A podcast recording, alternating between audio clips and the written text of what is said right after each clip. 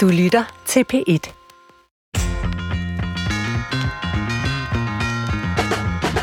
I dag lægger vi ledelse på Brixen her i vores serie om arbejdslivet i Brinklands Brix. Topledere fejres ofte, når det går godt for organisationer.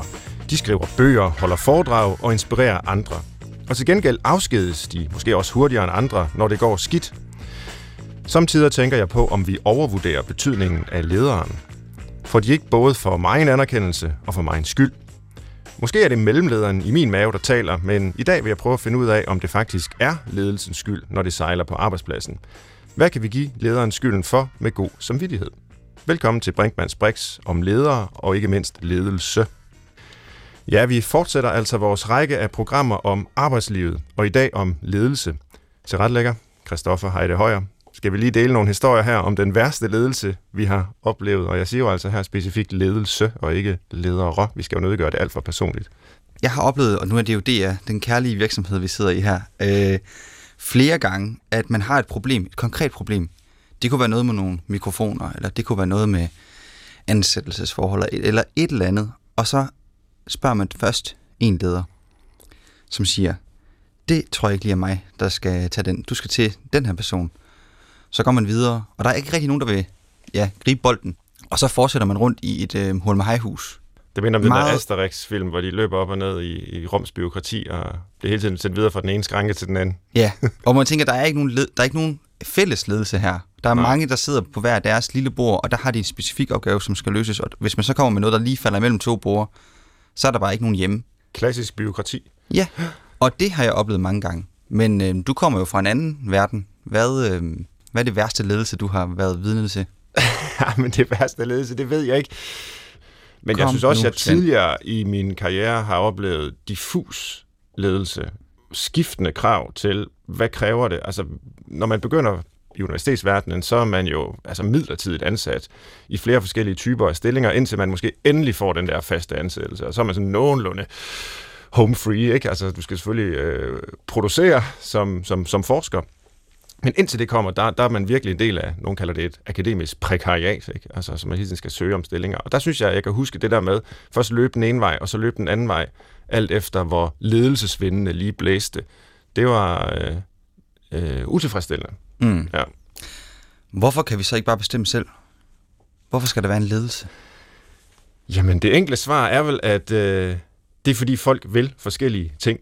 Altså, hvis alle mennesker altid øh, partout var enige om alt, så ville det for det første være en utrolig kedelig verden, øh, men det vil nok også være en verden, der simpelthen ikke behøvede ledere eller ledelse. Øh, vi ville jo bare sådan være robotter, der øh, gik i takt eller sådan noget, ikke? Men det er vi heldigvis ikke. Så derfor så er der jo nogen, der skal øh, få noget til at ske, hvor der måske er uenighed, hvor der er konflikt. Øh, der er også nogen, der skal inspirere, der er nogen, der skal tilrettelægge. Altså alle den slags opgaver har vi jo brug for. Det kan vi så gøre på utrolig mange måder, ikke? Øh, jeg kender folk, der arbejder med sådan øh, evolutions, øh, evolutionære perspektiver på menneskets udvikling, hvor jeg siger, jamen oprindeligt, hvornår det så end var, ja, jeg samler kultur og sådan noget. Der var der måske ikke en leder, men det betyder ikke, at der ikke var ledelse, men det er mere sådan ad hoc, noget der opstår, når der er en eller anden opgave, der skal løses, så er der en, der kan det og træder til, øh, og populært sagt, viser vejen.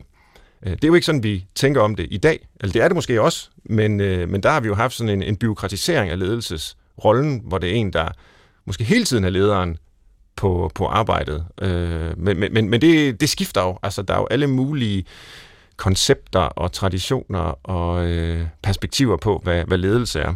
Hvem har ledelsen hjemme hos dig?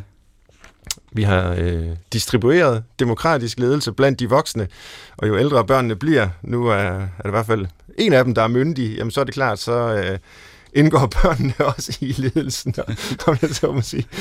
Øhm, nu vender vi så lige hurtigt den dårlige ledelse. Hvad med god ledelse? Har du oplevet det, hvor man faktisk får lyst til at gå på arbejde, og man bliver motiveret, og man løfter i flok, eller hvad det nu kunne være af floskler, der, der, der ja. kendetegner et godt arbejdsliv?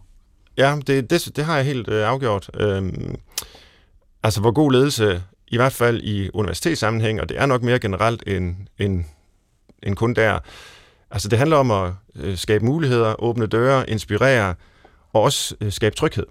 Altså, når man arbejder i sådan et øh, KPI-system, det står for Key Performance Indicators, hvor vi hele tiden bliver målt og vejet, det gør man jo alle steder efterhånden i samfundet, men også som forsker, hvor mange artikler skriver du? Kan du næste år publicere lige så meget, og helst mere som i år? Hvor mange eksterne bevillinger tiltrækker du? Hvor mange øh, specialer og PUD'er udklækker du? Og så, videre. så kan man nemt komme til at fokusere meget øh, enøjet på de der tal, og så glemmer man øh, ja, fordybelsen og arbejdsglæden i virkeligheden. Og der synes jeg, øh, jeg har oplevet god ledelse, der siger, jamen det er godt at du har lavet rigtig meget i år, det behøver ikke være produktionsmål for dig øh, næste år. Øh, og den tryghed, det giver at gøre, at man måske kan tage nogle chancer, og måske i virkeligheden kan komme til at, at, at lave endnu mere næste år, netop fordi det ikke er et krav, at man skal. Så det øh, kunne være et eksempel på, øh, på god ledelse, som jeg synes i hvert fald har været øh, inspirerende. Og sidste spørgsmål for mig, men øh, psykologen hos dig, øh, hvad betyder det for os, om vi bliver ledt mindre godt eller godt? Det betyder utrolig meget. Øh, det er ikke Hvorfor? det eneste, der betyder noget. Jamen fordi, altså vi tilbringer jo de her utrolig mange timer øh, på vores øh, arbejde. Vi er sociale væsener, der har brug for anerkendelse. Øh, alt det er jo noget, der på mange måder falder tilbage på øh, en leder og, og den ledelse vedkommende udøver. Velkommen til Brinkmanns Brix i dag om ledelse. Gæsterne er Lotte Bøg Andersen, professor ved Institut for Statskundskab og leder af Kronprins Frederiks Center for Offentlig Ledelse på Aarhus Universitet. Velkommen til, Lotte. Tak skal du have. Også velkommen til Claus Elmholdt, som øh, er lektor ved Aalborg Universitet, psykolog og øh, direktør i konsulentvirksomheden LEAD. Også velkommen til dig, Claus. Tak. Ja, vi skal nok være lidt kedelige her fra starten, fordi I kan jo godt høre i pingpongen mellem øh, Christoffer og jeg, der roder vi rundt i begreberne om øh, ledere og ledelse og det gode og det dårlige og alle mulige koncepter.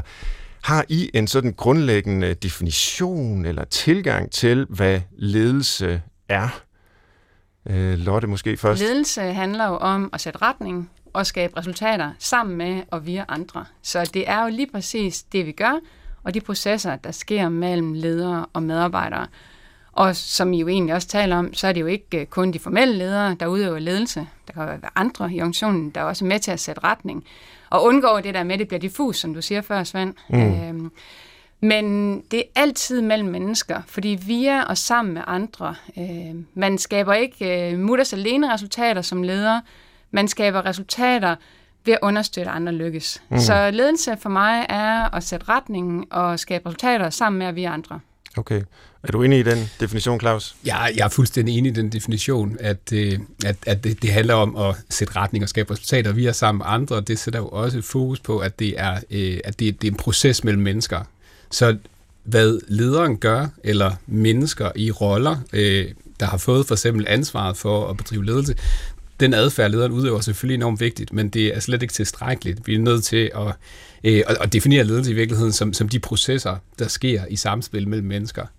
Øh, fordi hvis ikke jeg lykkes med at, at, at sætte retning og, og påvirke de andre på en måde, så, så de oplever, som du siger, at der er skabt tryghed, de er inkluderet, øh, det er meningsfuldt, jamen så er det ikke sikkert, at vi faktisk lykkes med at få produceret ledelse. Så jeg vil faktisk mm. definere også, at ledelse er også produktet af den proces, øh, der sker mellem mennesker. Så det er både en øh, proces og, og målet eller resultatet af processen. Men hvorfor er det en pointe at skelne mellem lederen og ledelsen? Altså hvorfor kan vi ikke bare tale om det, lederen gør, og så sige, at vi interesserer os for de her personer, som har det formelle ansvar, en eller anden form for legitim magt, øh, som andre ikke har, til at ansætte og afskedige osv. Øh, hvorfor skal vi tale om det som sådan noget processuelt, som ikke bare vedrører de personer? Vi ved jo, at det lige præcis er medarbejdernes oplevelse af, af det, der sker, som har betydning for, at de skaber bedre resultater og bliver mere motiveret. Så hvis man kun interesserer sig for lederen som person, så går man jo ligesom glip af mere end, end halvdelen af det, der er vigtigt, nemlig øh, hvordan at medarbejderne øh, ser øh, det, der sker, og hvordan de reagerer på det, og hvordan de ultimativt skaber resultater. Så øh, ledelsesforskningen bliver mere og mere med fokus på ledelse, og ikke kun med fokus på lederen som person. Mm. Men hvis man nu skal ansætte en leder, så ansætter man jo netop en person, og Men, ikke en, øh, en proces. Eller, øh, så, øh. Men pointen er jo, at man ikke kun kan kigge på personen snævert, man skal se på den organisation, lederen skal ind i, øh, de mennesker, som den person skal skabe resultater sammen med, og de opgaver, der skal løses til gavn for, for borgerne, hvis nu det er en offentlig organisation, og kunderne og ejerne, hvis det er en privat virksomhed.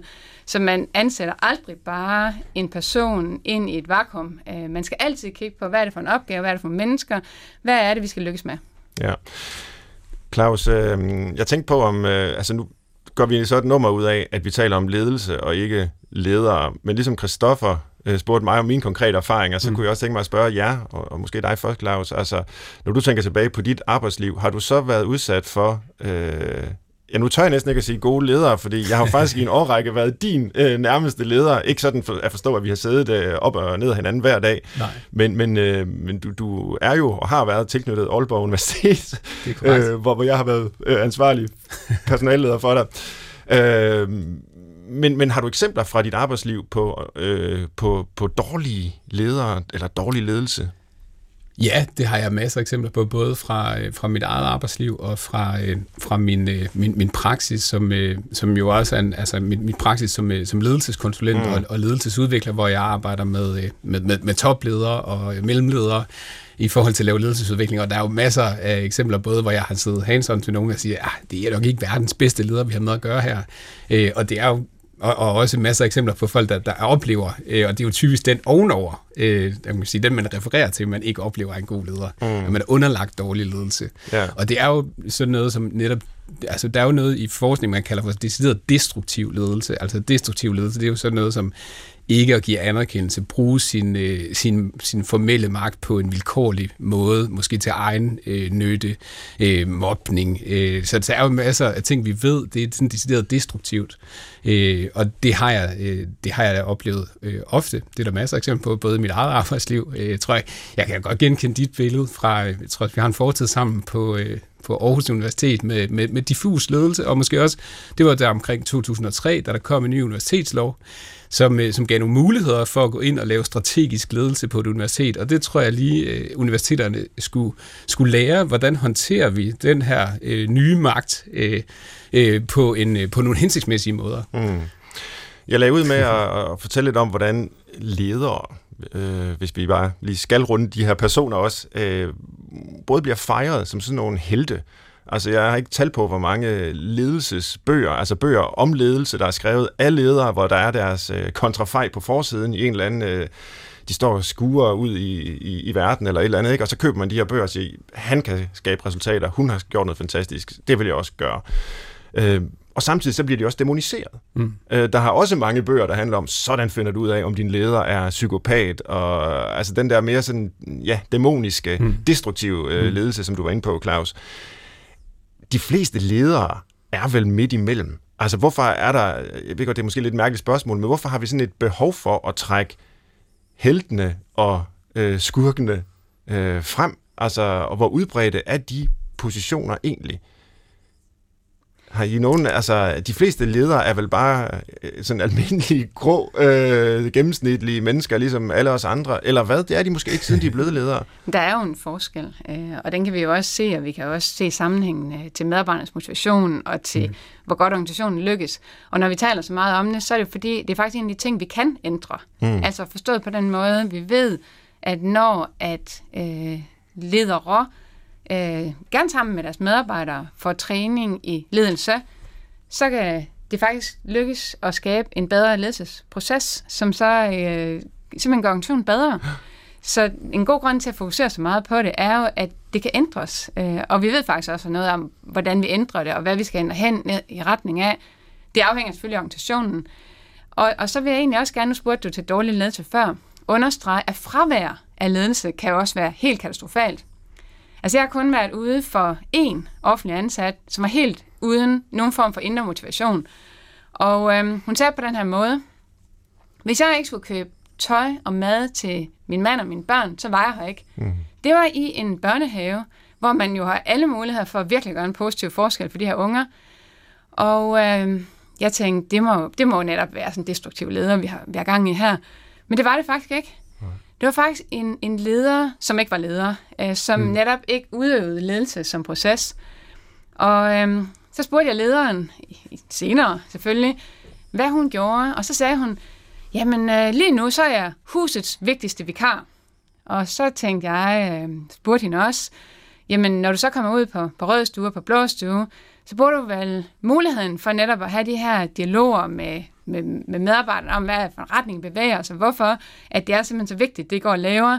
Nej, hun tager bare for håndværende arbejde. Øh, altså, der var ingen ledelse. Mm. Og den her øh, stakkels pædagog, som jeg startede med at omtale, det var ikke, fordi hun ikke gerne ville, men hun oplevede ikke at kunne lykkes med at faktisk kunne understøtte, at de her børn trivedes, at de lærte noget i den her børnehave. Så fravær af ledelse kan altså også virkelig være problematisk. Mm. Og derfor øh, taler vi rigtig meget om ledelse, og dermed ja. også om, om ledere. Vi kan faktisk gøre en forskel på det område i forhold til at lykkes bedre i organisationer. Og som jeg forstår en del af dit forskningsfelt, så handler det faktisk om at finde ud af, hvordan vi kan blive bedre, øh, eller man kan blive bedre øh, til ledelse. Hvordan undersøger du det? Det gør vi faktisk tit i øh, eksperimenter, øh, i samspil netop med, med offentlige og private organisationer. Øhm, mange af dem er jo det, vi kalder ledelsestræningseksperimenter, hvor vi inviterer ledere og meget gerne også deres enhed øh, til at, at deltage øh, i noget træning. Øh, det er gratis, øh, men forudsætningen er bare, at de er villige til at lade sig lodtrække, fordi ellers kan vi ikke finde ud af, øh, hvad der virker bedst. Øh, så øh, måler vi selvfølgelig, øh, hvor motiverede medarbejderne er, og alle mulige andre gode ting i organisationen, før vi går i gang. Så vi ligesom kan se, øh, hvordan er udviklingen i, i, i de her organisationer, som vi har inviteret med til forskningen. Og så øh, øh, træner vi sammen. Øh, det kan være sammen både medarbejdere og ledere. Øh, det kan også være, at, at lederne træner sammen med os, og så går ud og, og, og prøver det sammen med deres medarbejdere. Og så øh, typisk efter et års tid, øh, så spørger vi igen, øh, både ledere og medarbejdere, hvor motiverede de er. Vi kigger på, øh, hvor godt organisationerne øh, klarer sig i forhold til deres målsætninger. Mm-hmm. Og så øh, sammenligner vi jo simpelthen øh, mellem de forskellige øh, måder at træne på, øh, mellem de forskellige lederne og deres medarbejdere trænet i. Og så kan vi så komme frem til øh, forhåbentlig nogle robuste øh, indsigter i, jamen, øh, hvad er det, man som leder skal gøre, hvad er det, man øh, som medarbejder i virkeligheden skal gøre? Nu talte du distribueret ledelse før. Det træner vi også i. Der skal medarbejderne selvfølgelig med i træningen. Mm. Og ultimativt, øh, hvad ser ud til at lykkes bedst i forhold til målsætningerne? Men hvad er det så konkret, de trænes i, de her ledere, og hvad, altså, som har den her effekt? Ja, altså lige nu har øh, Claus og jeg jo faktisk et stort projekt øh, sammen, og der er ligesom øh, tre versioner af træningen. Den ene øh, fokuserer på det at sætte retning det er det her med at have det her klare billede af, hvor vi er på vej hen, at man øh, både som leder, men også som medarbejder er med til at, tydeliggøre, hvad det er for en retning, væk fra det diffuse. Dele det helt ud i hjørnerne af organisationen, og så holde fast i det, så man har den her retning. Så øh, i den ene version af træningen, den handler simpelthen om, øh, både fra lederperspektiv, men også fra medarbejderperspektiv, at kunne sætte den her retning. Den anden er netop distribueret ledelse. Altså, hvordan lykkes man i virkeligheden med at, at dele løsningen af ledelsesopgaver på afstemt vis? Så den ene hånd ved, hvad den anden hånd gør. Øh, både øh, medarbejderhænder og formelle lederhænder. Den tredje version er ikke decideret ledelsestræning, øh, fordi der fokuserer vi på, øh, hvad alle kan gøre for at understøtte hinandens motivation. Øh, både øh, sin egen motivation og øh, kollegernes motivation både den indre opgave motivation, den motivation, der er knyttet til, at øh, vi synes, det er fedt at gå på arbejde, men også øh, motivationen knyttet til, at man gør en positiv forskel for andre. Øh, I fagsprog hedder det øh, Public Service Motivation. Mm-hmm. Så det er ligesom de tre versioner, som, som vi arbejder med øh, lige nu i det her store øh, felteksperiment. Og i hvilken grad øh, er de egenskaber, man kan trænes i her som leder, øh, specifikke for for eksempel øh, offentlige organisationer, og i hvilken grad er de almene? For jeg tænker også på, at der må være forskel på, om man skal lede et, altså være direktør for et hospital for eksempel, eller om man øh, er øh, manager i en McDonald's øh, butik, øh, e-, eller hvad? Er, er det sådan nogle almene? Det kan være, du øh, kommer ind, Claus. Jamen, der, der er kæmpe forskel, og, og øh, man kan sige, hvis vi lige tager vores øh, fag. Øh, de første 100 år sådan, af den ledelsespsykologiske forskning, der var man rigtig meget optaget af at prøve at afdække det særlige leder i DNA, altså mm. de personlighedstræk og den adfærd, der definerer god ledelse sådan universelt.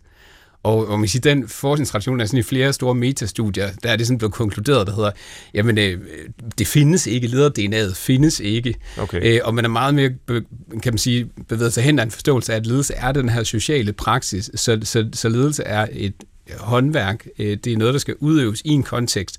Så, så der er kæmpestor forskel på, om øh, du skal bedrive ledelse på et hospital, eller et reklamebyrå, eller om du skal bedrive ledelse på en produktionsvirksomhed i Kina, øh, eller den offentlige sektor. Øh, så, og man kan sige, er der, er der så også, kan man så stadigvæk, er der så stadigvæk nogle fællestræk? Ja, det, det, det er der, men der er også kæmpestor, øh, konteksten har kæmpestor betydning, stor lille virksomhed, privat og offentlig. Men jeg synes ofte, man ser topledere, øh, og det er nok især topledere, gå fra øh, en type øh, stilling, eller øh, en toplederstilling i en type branche, og så gå over og, og lede noget helt andet. Øh, ja, nu har det nogle år på banen, ikke? men for at være lidt mere konkret, ikke? Altså, hvor, hvor en topleder fra en motorcykelvirksomhed kunne blive topleder i en øh, elektronik øh, virksomhed. Øh, det, det går ud til dig, Tuman Tony. Øh, og, og, men der er jo masser af den slags eksempler, hvor der jo i det kunne ligge, at jamen, det er enten nogle særlige personegenskaber, eller nogle, nogle sådan færdigheder, der bare kan overføres på tværs af, af sektorer, uden man egentlig nødvendigvis ved noget om det, som den her konkrete organisation arbejder med. Er, er det en fejlagtig øh, opfattelse, der ligger bag, at man ansætter ledere, øh, hvad kan man sige, som ikke har nogen foregående erfaring med, med området selv? Jeg, jeg, jeg mener, at det er en fejlagtig forestilling. Øh, ja. og det, men det er jo den der, man kan sige, det er jo nok også der, man har meget arbejdet med det med at professionalisere ledelse som et fag i egen ret, og det er der rigtig meget godt ved. Men, øh, men en af bagsiderne er måske også, at man øh, i for høj grad øh, også har, har, har skabt den der idé om, at du ikke behøver at vide noget om den faglige substans. Og jeg ja. tror noget af det i store, både private og offentlige organisationer, der går galt, hvis du sætter topledere ind, der bare sådan shopper rundt med at vide noget om strategi og øh, forretningsudvikling. Ja, så er det ligegyldigt, om det er vindmøller ja, eller medicin, præcis. eller hvad pokker det Så er, får du det der problem, som Lotte også har med til at afdække med ledelseskommissionen, at, at du får de der knæk i ledelseskæden, øh, som kan være utrolig skadelige, både for private og offentlige organisationer. At topledelsen ligesom har en, øh, et raison d'etre og en, en verdensanskuelse, der slet ikke matcher med øh, dem, der er, er længere nede i organisationen. Ja. Ja, ledelseskommissionen undersøgte jo faktisk, øh, hvor meget mobilitet der er mellem de her forskellige sektorer, mm. og der er ikke så meget. Okay. Øh, men, øh, det kan være, man hører om det netop, når det sker, fordi det er relativt sjældent så. Eller? Ja, og, og man kan sige, at, at det at være ansat i en privat virksomhed og en offentlig virksomhed, der er simpelthen bare nogle forskelle, fordi den politiske logik ved, at den øverste chef er enten en politiker eller en forsamling af politikere, den er bare vigtig at være opmærksom på. Ikke dermed sagt, at man ikke kan skifte, øh, men man skal i hvert fald være opmærksom på, at man ligesom står for at skulle lære noget nyt. I et af vores øh, øh ledseksperimenter, der inviterede vi faktisk både øh, private og offentlige ledere, og, og, og man kan sige, en af, af de ting, vi kiggede på, det var netop den der visionsledelse, jeg talte om før, og øh, ja, den kan være relevant for begge, men den måde, man udøver den på konkret i forhold sammen med medarbejderne, den vil være forskellig. Og det viser sig faktisk også, at øh, de offentlige deltagere var hurtigere til at lære netop den type, mm. fordi det at arbejde i en offentlig organisation, hvor at det ultimativt, man arbejder for fællesskabet, det er simpelthen bare befordrende for, at, at man kommer ud af rampen med den her vision, den her, det her billede af, hvorfor det er ønskværdigt at være i den her organisation. Det galt faktisk også, selvom at vi matchede, sådan vi ligesom havde finansielle offentlige og finansielle private virksomheder, som vi sammenlignede, og private skoler og offentlige skoler, og private dagtilbud og offentlige dagtilbud. Så man skal ikke undervurdere de forskelle, der er også som følge af sektor. Men jeg vil så også sige, at der kan også komme noget ny inspiration øh, og, og nogle nye idéer, ved at man netop har noget mobilitet. Så man skal mm. heller ikke helt afskrive Nej. nytten af, at, at man også prøver forskellige uh, ledelsesopgaver som menneske. Nej. Men det er jo hele diskussionen om, hvorvidt ledelse er, kan man sige, et specifikt håndværk, der er løsrevet fra det materiale, håndværkeren skal arbejde med, for nu at blive i metaforen. Men det er det ikke. Det er det ikke. Nej. Nej. Så den bedste hospitalsdirektør er en, der ved noget om medicin, øh, altså lægevidenskaben. Den bedste øh, leder på universitetet, en rektor for eksempel, er en, der ved noget om forskning, den bedste osv. Man skal jo læne sig frem mod den faglighed, som man skal være leder i. Ja. Øh, og med faglighed mener jeg jo både den specialiserede teoretiske viden, der er på feltet, men også de professionelle normer, som er gældende. Og man så ligesom behøver at have en, en, et, en fuld øh, uddannelse som, som læge for at, at være leder på et hospital, det, det behøves man ikke, for Nej. nogle opgaver kræver jo andre former for faglighed. Man skal jo simpelthen bare læne sig frem og være interesseret i det, og være villig til at sætte sig ind i det, og selvfølgelig også være villig til at indgå i et ledelsesteam, øh, hvor at, at forskellige mennesker er med til at repræsentere forskellige kompetencer. Mm. Det er jo rigtig mange steder, hvor det ikke bare er en leder alene i verden, som har det formelle ledelsesansvar. På hospitaler er det jo næsten altid en djøffer, øh, og så en, en, mm. en lægefaglig øh, direktør, og så en sygeplejefaglig direktør. Ja. Altså, Ja, jeg er meget enig med Lotte, men du kan sige noget, noget der til, til gengæld kan gå galt, hvis man, hvis man så laver sådan en, en ledelseskarriere, hvor man starter med at være fagfaglig, for eksempel være forsker inden for et eller andet speciale, og så man ender som rektor. Det er jo, at man også skal være bevidst om, at når du så bliver rektor, så er du altså leder for hele biksen. Mm. Eller når du bliver hospitalsdirektør, så er du leder for hele biksen. Ikke kun for lægerne, ikke, kun, kun for, for lægerne, ikke kun for sygeplejerskerne. Så det er også at have ja. den der mm. bevidsthed om, at man skal lede helheden, ja. når man er på det niveau. Så det der med, hvad, hvad er din rolle? Men jeg tror, det er en misforståelse der med, altså det, der er rigtig godt i, at ledelse er, har udviklet sig som fag og som praksis, men, men det kan ikke dekobles fra øh, kerneforretningen. Nej. Hvis man nu lancerer et begreb som ledelsesstil. Øh, Claus, du brugte begrebet destruktiv ledelse. Ja. Det er jo ikke en stil som sådan, det er jo mere en dysfunktion. Og, og Lotte, du har været inde på altså fraværende ledelse. Det er jo heller ikke, håber jeg, en stil, man, man skal lære. Men det, det, det er jo bare fravær en stil på en måde. Men hvilke ledelsesstile øh, findes der, og er der forskningsmæssigt belæg for, at nogen af dem har øh, skal man sige, bedre effekter på øh, trivsel og produktivitet, og hvad vi ellers skal måle på, end andre. Det kan du ikke forklare os. Ja, jamen, det, det er der, og øh, nu Lotte var inde på, på visionsledelse, transformationsledelse, det er jo en af dem, øh, som der er masser af forskning på at sige, den ledelsesstil, det ved vi, den, øh, den, den bidrager til at skabe bedre øh, produktivitet, effektivitet og trivsel. Hvordan ser den ud? Øh, visionsledelse. Ja. Jamen, jamen visionsledelse, det er jo den her ledelsespraksis, hvor, hvor man, øh, man er, er tydelig om, hvad, hvad, hvor, hvorfor er vi her? Mm. Hvad er det for en værdi, vi skal skabe for, for borgerne, kunderne, samfundet, og så også kunne bryde det ned og, og omsætte det til, hvad betyder det så konkret, øh, Svend, for dine, dine handlinger? Hvad er det, vi, forventer af dig? Og, og, og hvis du er sådan rigtig dygtig til visionsledelse, så kan du lave de der meningsfulde koblinger øh, mellem, mellem sådan overordnet, hvad er det, vi er her for som organisation, og, og, og ned til, hvad er det, vi konkret går og laver, når vi øh, for eksempel er, er rengøringsassistent. Og det lyder jo indlysende rigtigt, øh, altså som en rigtig tilgang til ledelse. Må ikke at alle ledere vil sige, jamen det er det, jeg forsøger at gøre. Men altså, det gør de, det siger de. Det siger de altså. Men det siger deres medarbejdere ikke nødvendigvis. Nej, okay. Og, og det, faktisk er det jo sådan, at netop for visionsledelse øh, på engelsk, øh, netop transformational leadership, der er der i største gab mellem det, som lederen ligesom selv tror, de gør, og det, som medarbejderne oplever, de gør. Og det er faktisk et problem i sig selv, hvis der er sådan en uoverensstemmelse mellem det lederperspektiv og medarbejderperspektiv. Det kan heldigvis blive mindre, når man øh, træner, øh, især hvis man træner sammen. Mm. Øh, mm. Men øh, det er kun en af, af ligesom de øh, barriere for, at det kan, det kan virke. Øh, det virker, det ved vi, øh, men ikke under alle omstændigheder. Hvis der er et rigtig stort ledelsespænd, altså hvis man har ligesom en formel leder, og så har man 90 medarbejdere, så kan man også godt forestille sig, hvor svært det er øh, at lykkes med øh, sammen og, og få skabt den her fælles retning. Vi ved også, at hvis der er rigtig stor konflikt om, hvad det allermest ønskværdige er, altså værdikonflikt, så øh, kan det også være meget svært øh, at lykkes med at, at sikre motiverede medarbejdere med øh, visionsledelse.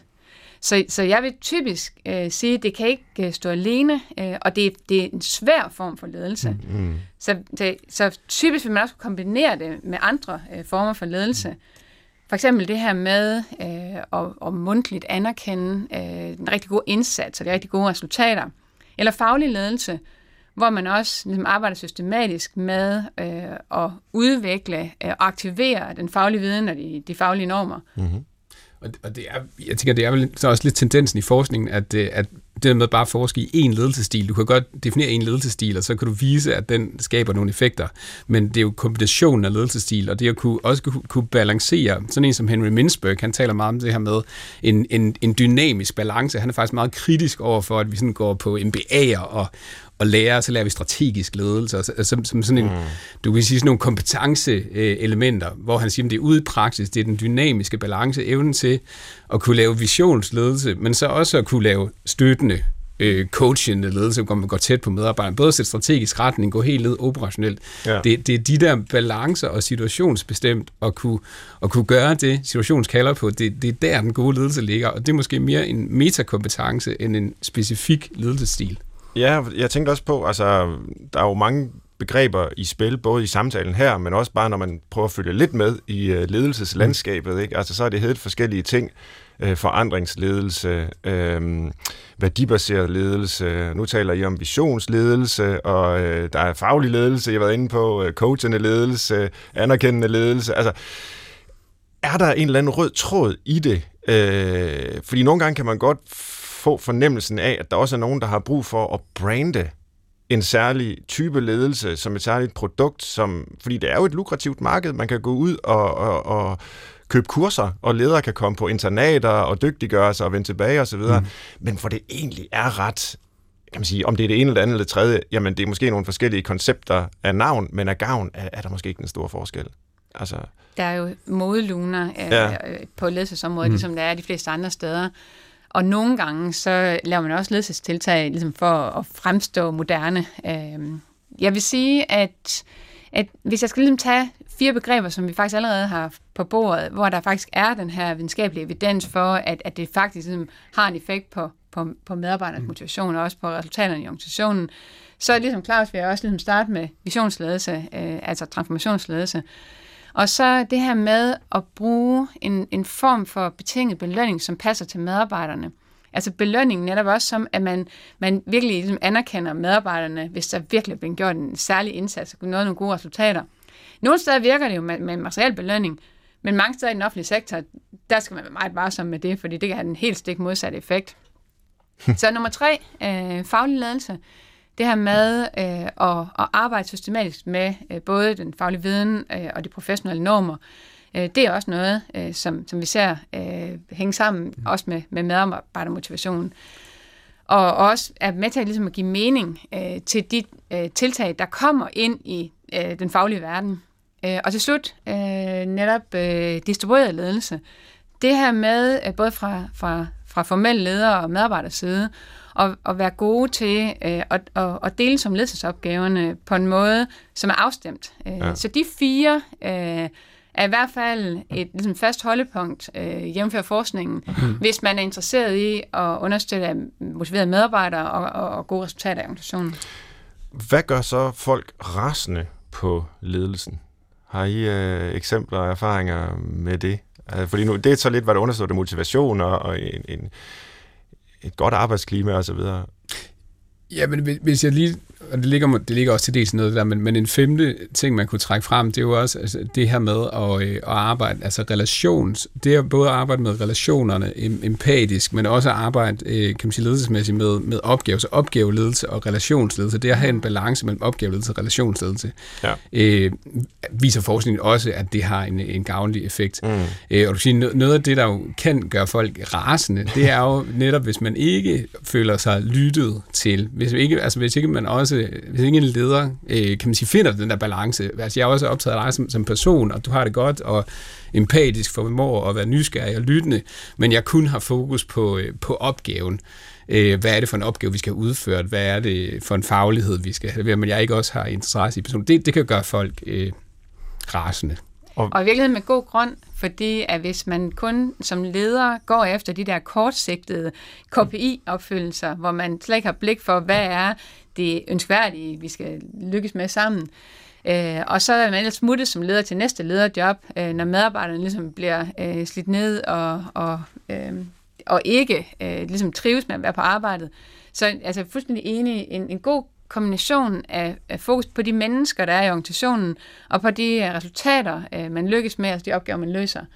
Øh, og så kan man jo sige, hvis man så som leder oven i det også er utroværdig, hvor man ligesom uh, enten siger det ene den ene dag, og det andet den anden dag, eller det ene til den ene aktør, og det andet til den anden aktør, så er det jo også noget, som skaber stor frustration blandt medarbejderne. Så ledelsesmæssig troværdighed uh, kommer også ind her. Ja. Historisk set så øh, ser det jo ud til, at ledelse er gået mod at blive, eller fra at være meget sådan måske øh, autoritært øh, ovenfra, top-down, til at blive mere og mere med uddelegering af ansvar, der er kommet selvstyrende grupper, det er sådan en generel øh, humanisering og ansvarliggørelse øh, af, af, af medarbejdere, inddragelse på alle mulige måder. Øh, har man egentlig afprøvet, om man helt kunne fjerne ledelse? Christoffer spurgte også mig i begyndelsen, hvorfor har vi egentlig overhovedet ledere? Hvorfor findes ledelse? Hvorfor kan vi ikke bare undvære det? Ja. Er, er, der, er der områder, hvor... Måske er det bare gammel vanetænkning, at vi skal have en leder. Hvorfor? det var jo meget op i tiden i 70'erne, altså det anti-autoritære, ja. og, og, og der var sådan stærke strømninger øh, med, med selvstyrende grupper, og øh, hippiebevægelsen har jo også prøvet rigtig meget det her med, med kollektiv ledelse af, og så, så var det væk i nogle år, og nu øh, her i, i, i, i tierne er det jo faktisk sådan også så meget professionelt og inde i forskningsverdenen kommet tilbage. Der er sådan en som, som Lalu med hans, øh, øh, hvad hedder det, ikke, øh, hvad hedder det, øh, ej, hvad hedder det, ikke byråkratiske organisationer og, øh, og lederløse organisationer. Og der er jo eksperimenter rundt omkring øh, både private og offentlige virksomheder med at prøve at arbejde meget mindre øh, hierarkisk og måske øh, med, med, ikke kun distribueret ledelse, fordi når Lotte tæller distribueret ledelse, så er der stadigvæk formelle ledere, men ja. der er bevægelser i retning af at prøve endnu mere radikalt at arbejde med deciderede lederløse organisationer. Og, øh, og det, det, det kan jo noget. Jeg tror ikke, det er løsningen på alt. Jeg tror i nogen, i nogen sammenhæng, altså måske især, øh, øh, hvad hedder det, øh, i Jamen, jeg tror i nogen offentlige organisationer, der er jo sådan nogle, der er sådan den der, et berømt eksempel, Burtsok nede fra, fra Holland, øh, ja. hvor øh, det, er, det er sygeplejersker øh, hjemmeplejen, der laver selvorganisering af, af, af arbejdet, og, og det er der store øh, positive øh, resultater af.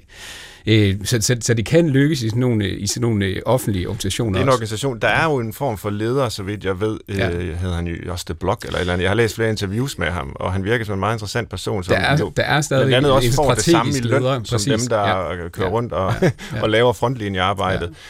Ja. Øhm, men hvad, ja, hvad er erfaringerne med det? Kan det bruges øh, andre steder? Der er forsøg i gang i, i Danmark. Øh, man skal bare være varsom i den offentlige sektor, fordi det ultimativt er politikerne på vegne af folket, som er lederne af offentlige organisationer. Ja. Og de har jo øh, retten til, men i virkeligheden også pligten til at skifte retning, hvis nu at, at borgerne ligesom ønsker noget andet. Så øh, en offentlig organisation helt uden ledelse har jeg svært ved at forestille mig, fordi at man ligesom per definition har politikere inde. Men det er jo græsspørgsmål. Mm. Øh, og jeg ved også, at, at der allerede er organisationer, hvor at, at medarbejderne i de der mindre teams øh, i meget høj grad løser ledelsesopgaver. Jeg tænker, det er rigtig vigtigt at understrege, at det skal passe til opgaven, det skal også passe til de mennesker, som er i organisationen. Øh. Ja, det er jo det andet af det, altså mm. om alle egentlig ønsker at være øh, selvstyrende, selvledende og, og så videre. Øh, det, altså, fordi det kan vel også være en stressfaktor i menneskers liv, at de øh, hele tiden skal tage stilling til, hvad skal jeg gøre nu, og sammen med hvem, og hvorfor og hvordan. Altså, og der er stor forskel, mm, ja. øh, også i forhold til mellem forskellige faggrupper. Ja. Øh, bare i forhold til distribueret ledelse, der ser vi også, at det ligesom er især de højt uddannede, øh, højt professionaliserede faggrupper, som i, i høj grad ligesom tager det til sig. Øh, men det er jo noget med at få det afprøvet og få det undersøgt ordentligt, og så få det brugt der, hvor at det skaber den der ekstra motivation og den ekstra øh, øh, resultatskabelse. Og øh, i vores forskning for eksempel øh, i løbet af covid-krisen, øh, der kunne vi også se, at det i sådan nogle øh, krisesituationer var vigtigt, at lederen understøttede, at der for eksempel blev et refleksionsrum, det behøvede ikke at være lederen, som øh, ligesom, øh, lavede øh, og var med til øh, de der refleksioner om, hvordan man løste udfordringerne. Men det her med, at, at der er øh, et ansvar, nogen påtager sig mm. ansvaret, og der faktisk bliver sat retning, at det bliver prioriteret, ikke bare at skabe resultater selv, men at skabe resultater sammen med andre, via andre, Øh, det vil være tilfældet øh, i de fleste organisationer. Ja. ja, man kan sige, en fordel ved et gammeldags byråkrati er jo, hvis det ellers fungerer, at man altid formelt kan placere ansvar. Præcis. Altså man ved altid, hvem man skal gå til, hvis noget går galt. Det er dig, der har ansvaret for det her. Ja. Og det kan være så, at den person bliver nødt til at sende det videre og videre og videre, som Christoffer var inde på øh, tidligere. Øh, og så er det måske et dysfunktionelt øh, byråkrati. Men hvis det fungerer, så kan ansvaret placeres. Præcis. Og det kan det jo ikke nødvendigvis så nemt i hvert fald, i de her lidt mere sådan flydende, selvledende øh, formater øh, i moderne organisationer. Øh, er, er det ikke også der, der kan opstå altså, problemer, utilfredshed, øh, hvad ved jeg, mobning øh, mennesker imellem, når, når de lige pludselig skal forholde sig til hinanden som, som øh, mennesker på den måde? Jo, altså, og man kan sige, der er jo masser af, af, af viden og erfaring med, med uformel organisering. Altså, du kan jo bare tage dit omklædningsrum på fodboldholdet. Øh, der bliver også sat et hierarki, og der bliver sat en kultur, og der bliver sat en praksis. Der er ikke nødvendigvis en, en, en formel leder, men, men der er nogle uformelle ledere. Så, så det vil altid opstå, og det kan jo være, det kan, det kan være lykkeligt, og det kan være godt, og, og der kan være dialog, men det kan jo også, øh, kan man sige, være, øh, være, være et utroligt hårdt miljø, hvor der, hvor, hvor, hvor der er nogen, der bliver knøflet. Så, og, og du kan sige, der er en del af ledelsens opgave, når man har formelle ledere, det er jo faktisk at have det der ansvar også for, at, at vi får løst opgaven, og, og folk trives og gror. Ja, så vi undgår så, det så som... min, min pointe er egentlig bare, jeg, jeg, tror, jeg tror faktisk, at den der udviklingstendens er, er kommet for at blive, og ja. jeg tror, vi vil se mere af det, men jeg tror, der er rigtig meget, vi skal lære, vi skal lave rigtig meget forskning, vi skal finde ud af, hvordan, hvordan gør man det så, fordi byråkratiet er jo også en, en det er jo industrisamfundets op, selvopfindelse. Det er jo en måde at organisere sig på at lede på industrisamfundet. Nu vil jeg sige, at et videnssamfund er et videnssamfund, øh, hvor vi måske skal lede og organisere os på andre måder, men, men vi har ikke nødvendigvis øh, vid, nok viden, nok sprog, nok praksis for, hvordan gør man det så? Nej, så vi undgår det som Løstrup i en helt anden sammenhæng kaldt formløshedens tyranni, ikke? For, den, hvor den stærke bare for, for, for magt uden øh, respekt for andre mennesker. Præcis.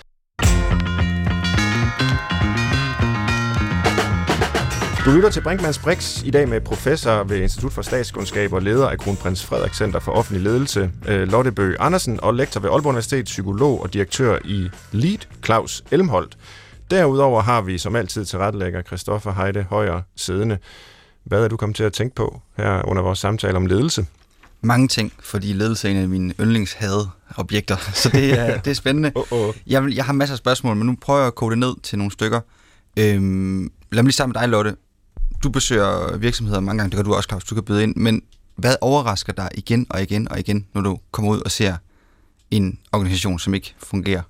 Noget af det, der overrasker mig mest, det er, hvor stor forskel der kan være imellem den måde, som lederne selv ser deres ledelse, og så den måde medarbejderne. At, at man ikke i høj grad stikker fingeren i jorden og interesserer sig for, hvordan medarbejderne faktisk øh, oplever den ledelse, der foregår.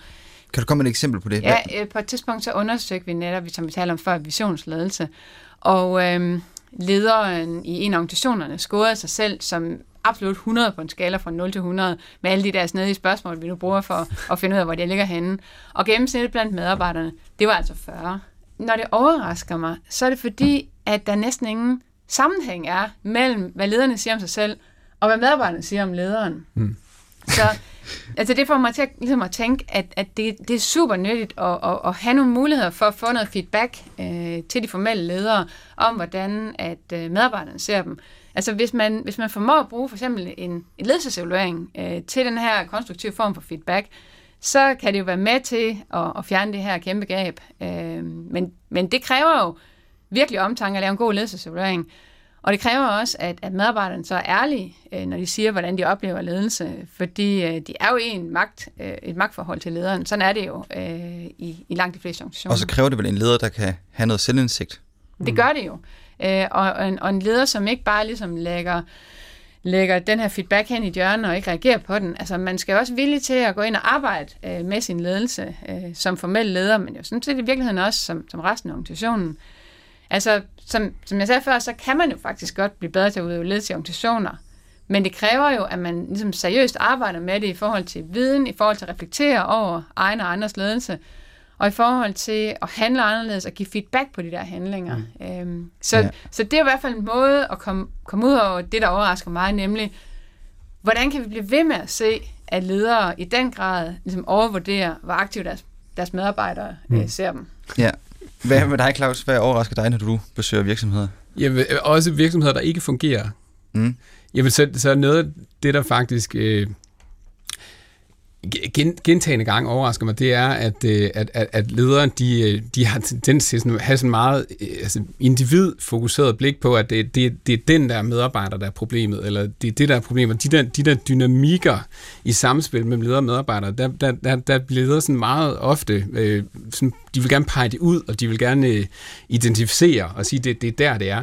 Og, og den der manglende evne til sådan at se, se det systemisk, og se samspillet mellem, at, at hvis, hvis jeg begynder at miste min min, øh, hvad hedder det, min, min ledelsesautoritet, øh, fordi der er nogen, der ikke længere anerkender min ledelse, så bliver jeg endnu mere kontrollerende. Altså det er sådan en dynamik, der er meget klassisk. Altså ledere, så bliver de endnu mere kontrollerende, så prøver de at trække kontrollen endnu tydeligere, så prøver de at placere sig i det, det er Svend, vi skal have rettet ind, og kan du komme og hjælpe mig med det, Claus?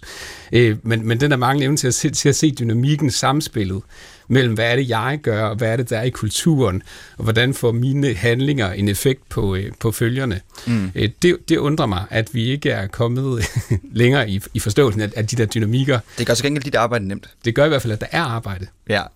Nå, øhm, en ting mere. Fordi mange oplever så at have en ledelse, som de ikke trives under. Øh, og så skal man jo overveje, hvad man så gør. Men men kan man finde en eller anden måde at fungere under en eller anden ledelse, man er lodret uenig i, eller man simpelthen bare ikke synes fungerer? Altså mange skifter jo job, eller gør sig så umuligt, at de bliver fyret. Men kan man også finde en eller anden måde at være tilfreds eller trives under en, en ledelse, man slet ikke synes om? Det kommer jo an på, hvad det er, man ikke synes om. Mm. Fordi hvis nu, at det i virkeligheden er den retning, og det ønskværdigt i organisationen, at de værdier, som er i organisationen, som man bare ikke kan stå indenfor, så er det måske faktisk en meget god idé at finde et øh, nyt job. Øh, på et tidspunkt var jeg ude på en folkeskole, hvor at den lå i et, et kvarter, hvor, hvor forældrene ikke havde sådan, øh, så, så gode uddannelses- og sociale forudsætninger. Og en, en del af, af lærerne, de ville i virkeligheden jo helst øh, undervise børn og akademikere, for så kunne man virkelig udfolde sin, sin høje faglighed sådan inden for dansfaget. Og øh, der skal man måske lige overveje, om man ikke faktisk er bedre placeret på en anden skole, øh, fordi at, at hvis nu det ønskværdige er, at man er der for, for de børn, som faktisk bor i det skoledistriktet, øh, og man, man tør for, at de trives, uanset hvad deres forældres uddannelsesmæssige baggrund er, så er det jo sådan set øh, ligesom øh, politisk øh, besluttet. Så, så først så skal man måske tænke over, passer jeg i virkeligheden værdimæssigt til den organisation, jeg er i? Øh, ja. Måske kan man påvirke værdierne, det er jo også en mulighed.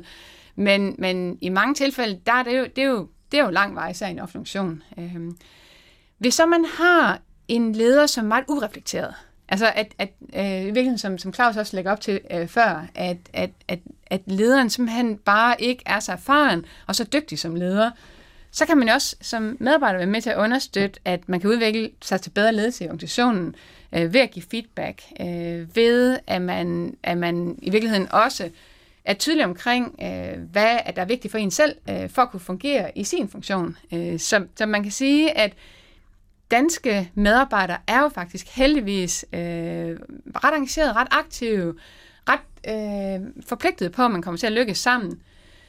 Og øh, i virkeligheden så er det jo også noget kollektivt. Det er jo mm. ikke kun et forhold mellem den enkelte medarbejder og den enkelte leder. Det er også et spørgsmål om, at man også tager ansvar for øh, øh kollegagruppen, og at at man som hele enhed kommer til at fungere øh, godt. Øh, så man kan ikke ligesom som, som medarbejder i et samfund som det danske, ligesom bare øh, sætte sig på sine hænder og sige, det er også ligesom kun ledelsens ansvar. Jo, det er også mm. ledelsens ansvar. Men man kan også selv tage ansvar for at skabe et godt øh, kollegialt klima og en kultur, hvor man både kan trives og lykkes. Ja. Sidste spørgsmål for mig, og det er det vigtigste spørgsmål. Claus, var Svend ja. en god leder? Ja, det, øh, han var, øh, var Svend en god leder? Jamen det synes jeg, jeg synes Svend var en øh, rigtig dygtig faglig leder, en øh, an, anerkendt og respekteret for sin, øh, som, som faglig ekspert, og øh, øh, bedrev også ledelse i sådan nogle touchpoints, øh, hvor vi måske tog, øh, tog på et seminar i to dage, og hvor han virkelig lavede faglig ledelse. Øh, om Svend så også var en, var en god leder i forhold til at løse gå ind i konflikter mellem øh, kollegaer og sådan noget.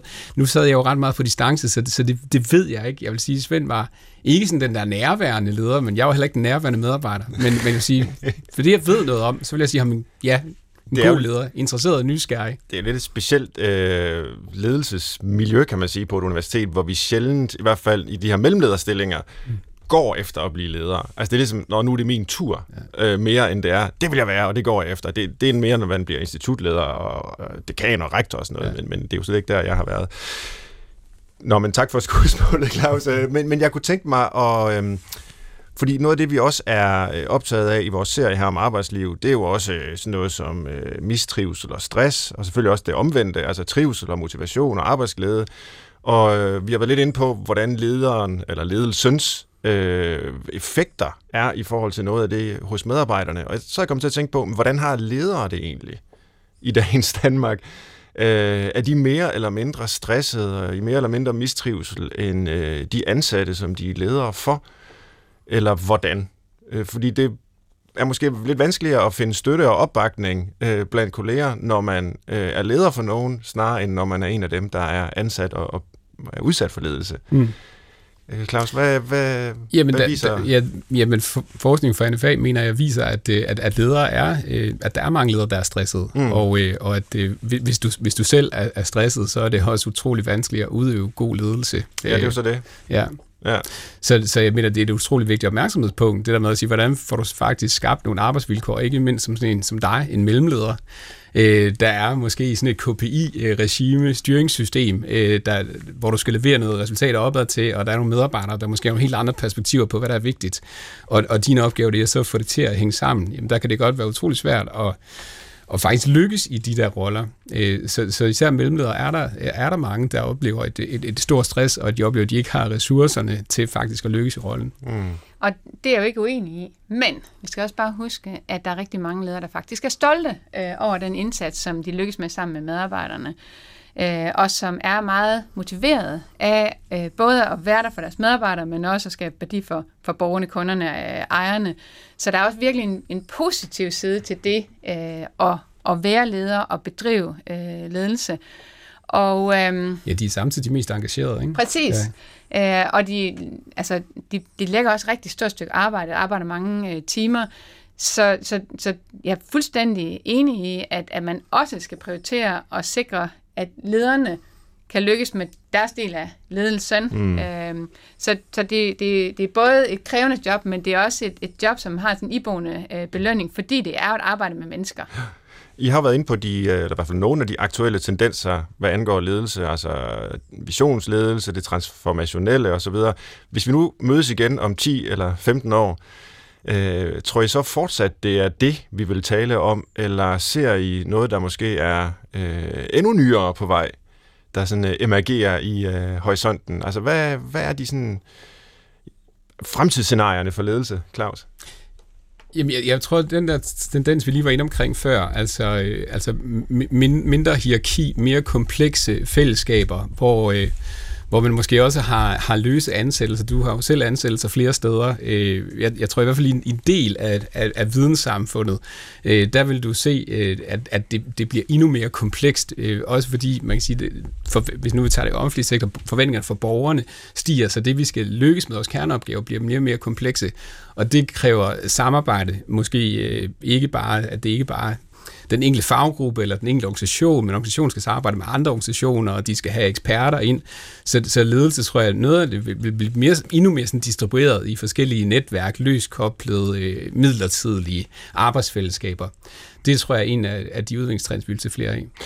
Øh, der tænkte jeg på, øh, altså det er jo bestemt også trends, jeg synes, man kan se, men, men lige præcis når man taler politiske ledere, så er der jo lidt en bevægelse, øh, og det er muligvis ikke øh, så relevant for, for, for mere sådan almindelige ledelsesformer, men nu prøver jeg alligevel, fordi jeg synes, det er noget, der er bemærkelsesværdigt, altså med mere autoritære skikkelser, der vinder magten i flere lande, og der er også tale om, øh, at magten centraliseres i, i, i et land som Danmark i stigende grad, rent øh, politisk. Altså, kunne det også være en øh, tendens, der så er lidt modsat den, du øh, nævner, Claus? Altså, at der måske er nogen, der kan lade sig inspirere af ja, det er jo nok ikke, fordi vi får sådan ledelseshåndbøger, øh, trumpistisk ledelse eller sådan noget, men, men, men alligevel.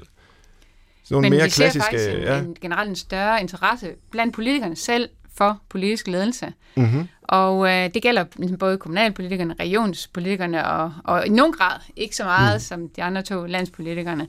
At det der med, at man også tager det alvorligt, at, at man som politiker også udøver politisk ledelse. Øh, for eksempel, at man også understøtter, at der bliver skabt konsensus. Øh, og, og, og lokalpolitikerne, de øh, går meget aktivt ind i en konsensusskabelse, som netop modvirker det der med, at magten bliver centraliseret. Ikke? Jo. Så noget af det, som jeg ser i krystalkuglen øh, 10 år frem, det er, at, at vi simpelthen har fået mere fokus på vigtigheden af, at vi også har god politisk ledelse, øh, som jo, og ligesom al mulig anden ledelse, mm. er situationsbestemt. Men både det at kunne sætte retning som politiker, det at kunne øh, anerkende de mennesker, som faktisk arbejder i for eksempel en kommune, men også det øh, at skabe en bred opbakning bag en politik, så man ikke ligesom får alle de der pludselige skift. Øh, det er jo noget af det, som er godt ved at skabe konsensus øh, som politiker. Ja. ja. Det aller sidste, vi har på øh, dagsordenen, det er vores øh, tilbagevendende liste. Og i dag er oplægget at formulere tre gode grunde til at blive leder for en sur medarbejderflok. Så lad os se, om vi ad den vej kan sige noget om, øh, eller om I kan sige noget øh, mere om øh, ledelse. Tre gode grunde til at blive leder for en sur medarbejderflok. Hvad kunne det være for nogen? Claus? Vil du lægge ja, for? men øh, du kan jo kun overraske positivt. Ingen har i udgangspunktet positive forventninger til dig. øh, man kan også sige... Ja, man starter fra det værste mulige ja. ja. Du skal ikke være bekymret for at gøre nogen sure. Altså, det er jo en bekymring, mange ledere har, øh, fordi de er allerede øh, sure. Ah, ja så kunne det også være den sidste, som jeg faktisk mener, måske har også en mere seriøs side, og det er, at du skal ikke, du skal ikke være bange for at blive sweet-talket. Øh, problemer vil faktisk lande på dit bord. Og det er jo et af, af, af problemerne hos mange ledere, det er, at øh, hvis ikke den psykologiske tryghed er i organisationen, jamen så kommer problemerne ikke nødvendigvis op på deres bord. Øh, og så kan du heller ikke løse dem. Og det kunne man forvente, at den sure medarbejderflok øh, faktisk vil placere problemerne på dit bord ret hurtigt. Det synes jeg faktisk var ret imponerende. Altså normalt så laver vi de her øh, listeoplæg til vores gæster, som en virkelig form for benspænd, som de skal have rigtig svært ved at, at svare på. Og sige, det, det kan da ikke sige noget positivt om, eller sådan et eller andet. Men her der er jo virkelig tre øh, oprigtigt gode grunde til at blive leder for en sur medarbejderflok. Man får helt lyst til faktisk at, at gå den vej og finde en eller anden medarbejderflok et sted og blive leder det er ikke for, svært. som er rigtig sur. Det er ikke svært, nej. Men så lad Lotte, har du input? øh, Ja. Det første, jeg vil sige, det er, der er en grund til at overhovedet at blive leder, mm-hmm. uh, uanset om medarbejderflokken er sur eller ej. Ja. Og det er, at det er faktisk mega fedt at arbejde med mennesker på den måde, og understøtte, at andre kan lykkes. Uh, så det er min første grund, uanset om medarbejderne er sure eller ej. Det næste, ja. det er, at en god bekendt har sagt til mig, der findes ikke dårlige medarbejdere. Så måske er øh, de her medarbejdere sure, fordi at de har haft øh, nogle dårlige betingelser for at kunne lykkes. Altså det her med, at, at man faktisk ikke har haft nogle ledere tidligere, som har understøttet dem i, at de har fået øh, de mikrofoner, de skulle have osv. Så, så, så det er lidt i forlængelse af det, du siger, Claus. Ikke? Altså, hvis, hvis man ligesom kommer ind som ny leder og overtager fra en dårlig leder, så har man nogle gode betingelser for at, at understøtte, at medarbejderne bliver gladere. Mm-hmm. Og det sidste er, at noget af det, som jo også ligger på en formel lederspor, det er, at nogle medarbejdere at lande på en forkert hylde. Øh, og hvis medarbejdere ikke kan udvikle sig til at passe på den hylde, de er, og bidrage inden for de opgaver, der er i organisationen, så kan man jo også understøtte, at de enten selv tager beslutningen om at skifte, eller også så øh, kan man ligesom sige pænt farvel, øh, hvis at de ikke kan bringes til at være med til at, at levere. Øh, så man har jo ikke ligesom til evig tid øh, de medarbejdere, man overtager, hvis de faktisk ligesom, udover at være sure, heller ikke løser opgaverne. Nej. Så kan man jo faktisk arbejde øh, systematisk på at, at sikre en, en organisation, som faktisk har de mennesker, der er til for at løse opgaven. Også virkelig imponerende gode input. Øh, tak for det, øh, og tak i det hele taget til jer begge to, Lotte og Claus. Vi når ikke mere i dag. Du har lyttet tak. til Brinkmanns Brix på P1 i dag om ledelse med professor ved Institut for Statskundskab og leder af Kronprins Frederik Center for Offentlig Ledelse ved Aarhus Universitet, Lotte Bøge Andersen, og lektor ved Aalborg Universitet, psykolog og direktør i Elite Claus Elmholdt. Skriv endelig til os på brinkmannsbrix.dr.dk.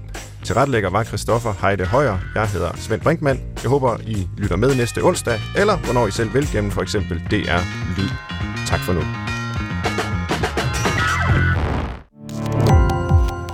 Gå på opdagelse i alle DR's podcast og radioprogrammer. i appen DR Lyd.